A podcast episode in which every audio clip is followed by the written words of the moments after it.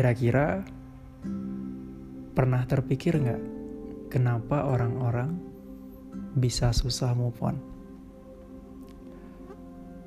Kenapa ada begitu banyak orang di luar sana yang kesusahan dalam melupakan seseorang yang dulunya pernah dia cintai? Jawabannya sederhana. Karena manusia itu sangat erat dengan perasaan sendiri. Kita harus sepakat bahwa kita dengan perasaan itu udah kayak sahabatan. Kalau perasaannya pengen ini, kita harus ikuti itu. Kalau logika, kita musuhan. Ya, Kebanyakan orang yang sedang jatuh cinta ataupun patah hati pasti mengalami itu. Tapi kenapa? Kenapa masih aja susah buat ngelupain dia padahal udah lama gitu. Udah nyoba banyak hal tapi masih aja gagal. Nah, Kali ini kita bakal bahas yang itu. Kenapa kamu masih aja sibuk merindukan seseorang yang bahkan tidak pernah peduli lagi dengan kamu? Kita mulai. Kamu masih sering mikirin dia nggak? Diam-diam. Secara lewat doa mungkin gitu? Atau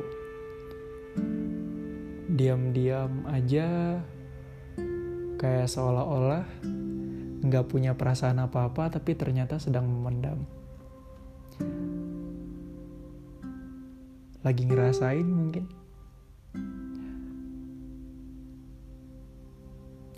Kalau misalnya kamu sedang merasakan hal yang kayak gitu padahal udah cukup lama, dan dia adalah orang yang udah nyakitin kamu. Dia ninggalin kamu tanpa sebab, atau mungkin dia selingkuh, atau mungkin dia udah nemuin yang lain. Sebenarnya, dalam hidup, ketika kita berjumpa dengan seseorang dan hubungan itu gagal, itu wajar.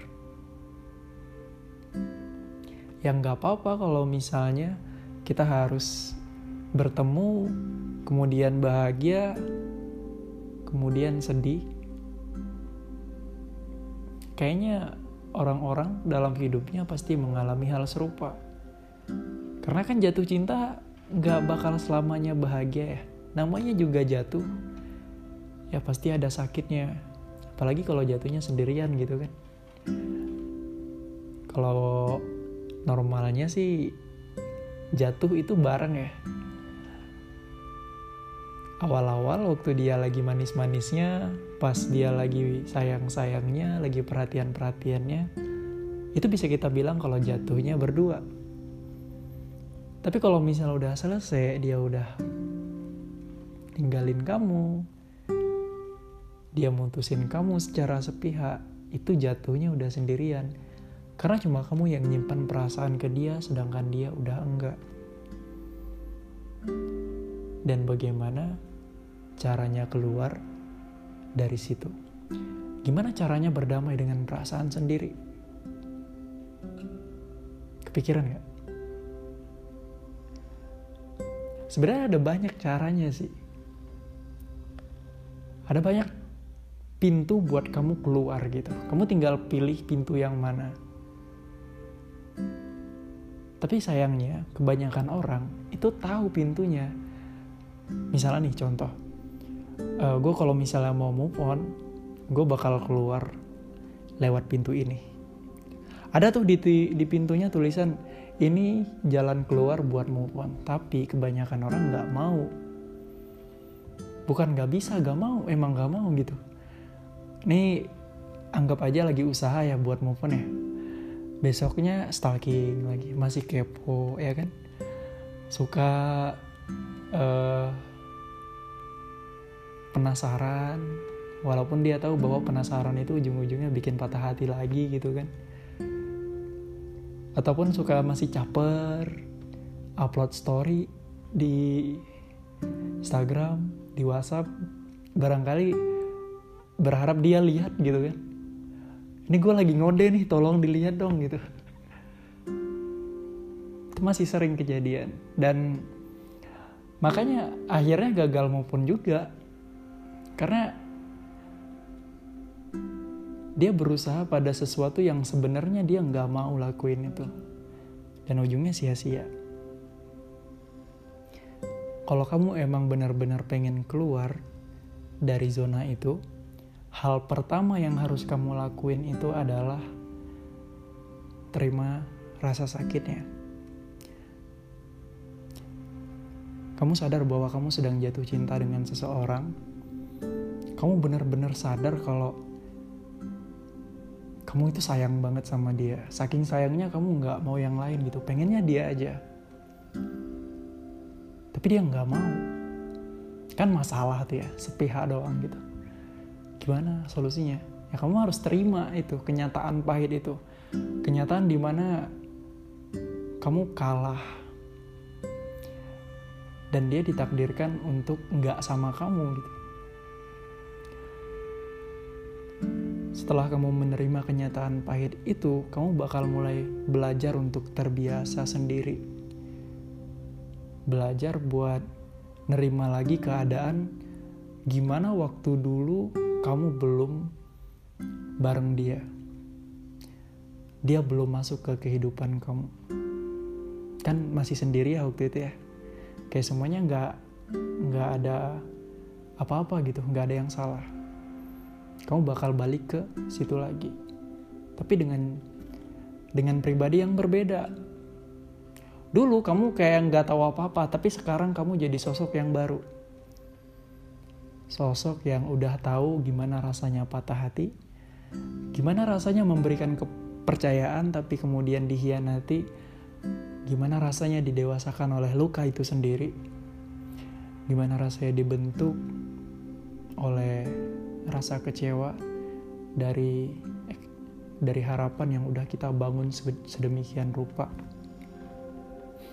Kamu udah tumbuh menjadi sosok yang baru, sosok yang lebih baik tentunya. Makanya beberapa kehilangan itu emang harus disyukuri adanya. Bukan karena kita enggak merasakan sakitnya enggak kita merasakan itu sakit banget tapi ada hal yang harus kita syukuri juga mungkin dengan kehilangannya Tuhan pengen nunjukin kalau uh, bukan dia orangnya gitu. Ini aku udah sediain yang lebih baik dari dia. Kamu tunggu aja sabar. Kita kan biasanya kalau udah jatuh cinta suka nuntut kan ya? Egoisnya tuh udah lebih-lebih lah. Sampai doanya tuh maksa gitu. Tuhan pengennya dia aja bisa nggak dia aja gitu? Jangan yang lain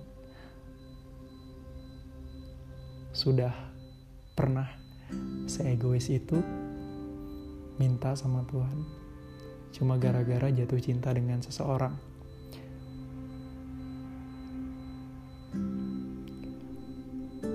Makanya kalau kamu merasa bahwa dunia begitu nggak adil hanya karena kamu berpisah dengan dia, itu nggak bener juga.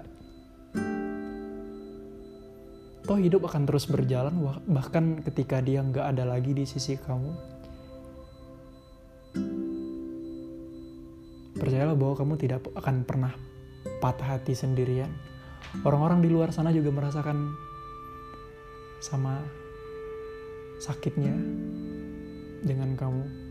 Patah hati juga, tapi mungkin sebabnya aja yang beda.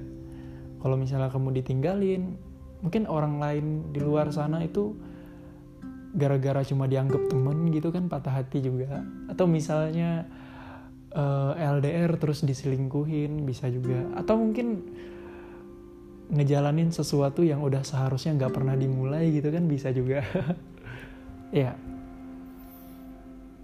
kita patah hati di waktu yang sama namun dengan cara yang berbeda kira-kira begitulah cara Tuhan menunjukkan bahwa cinta itu sangat luar biasa sampai-sampai bisa membuat kita mematikan logika sendiri dan mengedepankan perasaan. Orang-orang bilang itu bucin gitu. Tapi bagi saya enggak juga sih. Bucin itu ada hal baiknya loh. Kenapa saya bilang ada hal baiknya? Karena dengan itulah kita bisa menunjukkan bahwa kita sedang benar-benar jatuh cinta dan kita sedang mencintai seseorang dengan sebaik yang kita mampu. Makanya kalau misalnya sehabis kamu dengar ini, kamu melihat pintu dengan tulisan ini jalan keluarnya, maka sambutlah pintu itu. Berhenti mikirin dia. Berusahalah untuk tidak berusaha kalau nggak ngerti maksudnya gini, um, belajarlah untuk terbiasa tanpa harus berjuang untuk move on gitu. Gak usah nggak usah maksa buat move on, tapi terbiasalah dengan hal-hal yang udah kamu jalani sekarang. Lakukan hal-hal yang kamu suka dan jangan pernah biarkan dia masuk lagi dalam kehidupan kamu dengan apa pun caranya. percayalah bahwa kelak nanti akan datang seseorang yang bakal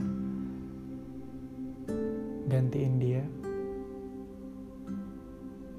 Bahkan bukan sekedar menggantikan, tapi seseorang yang bakal nemenin kamu sampai akhir perjalanan hidup.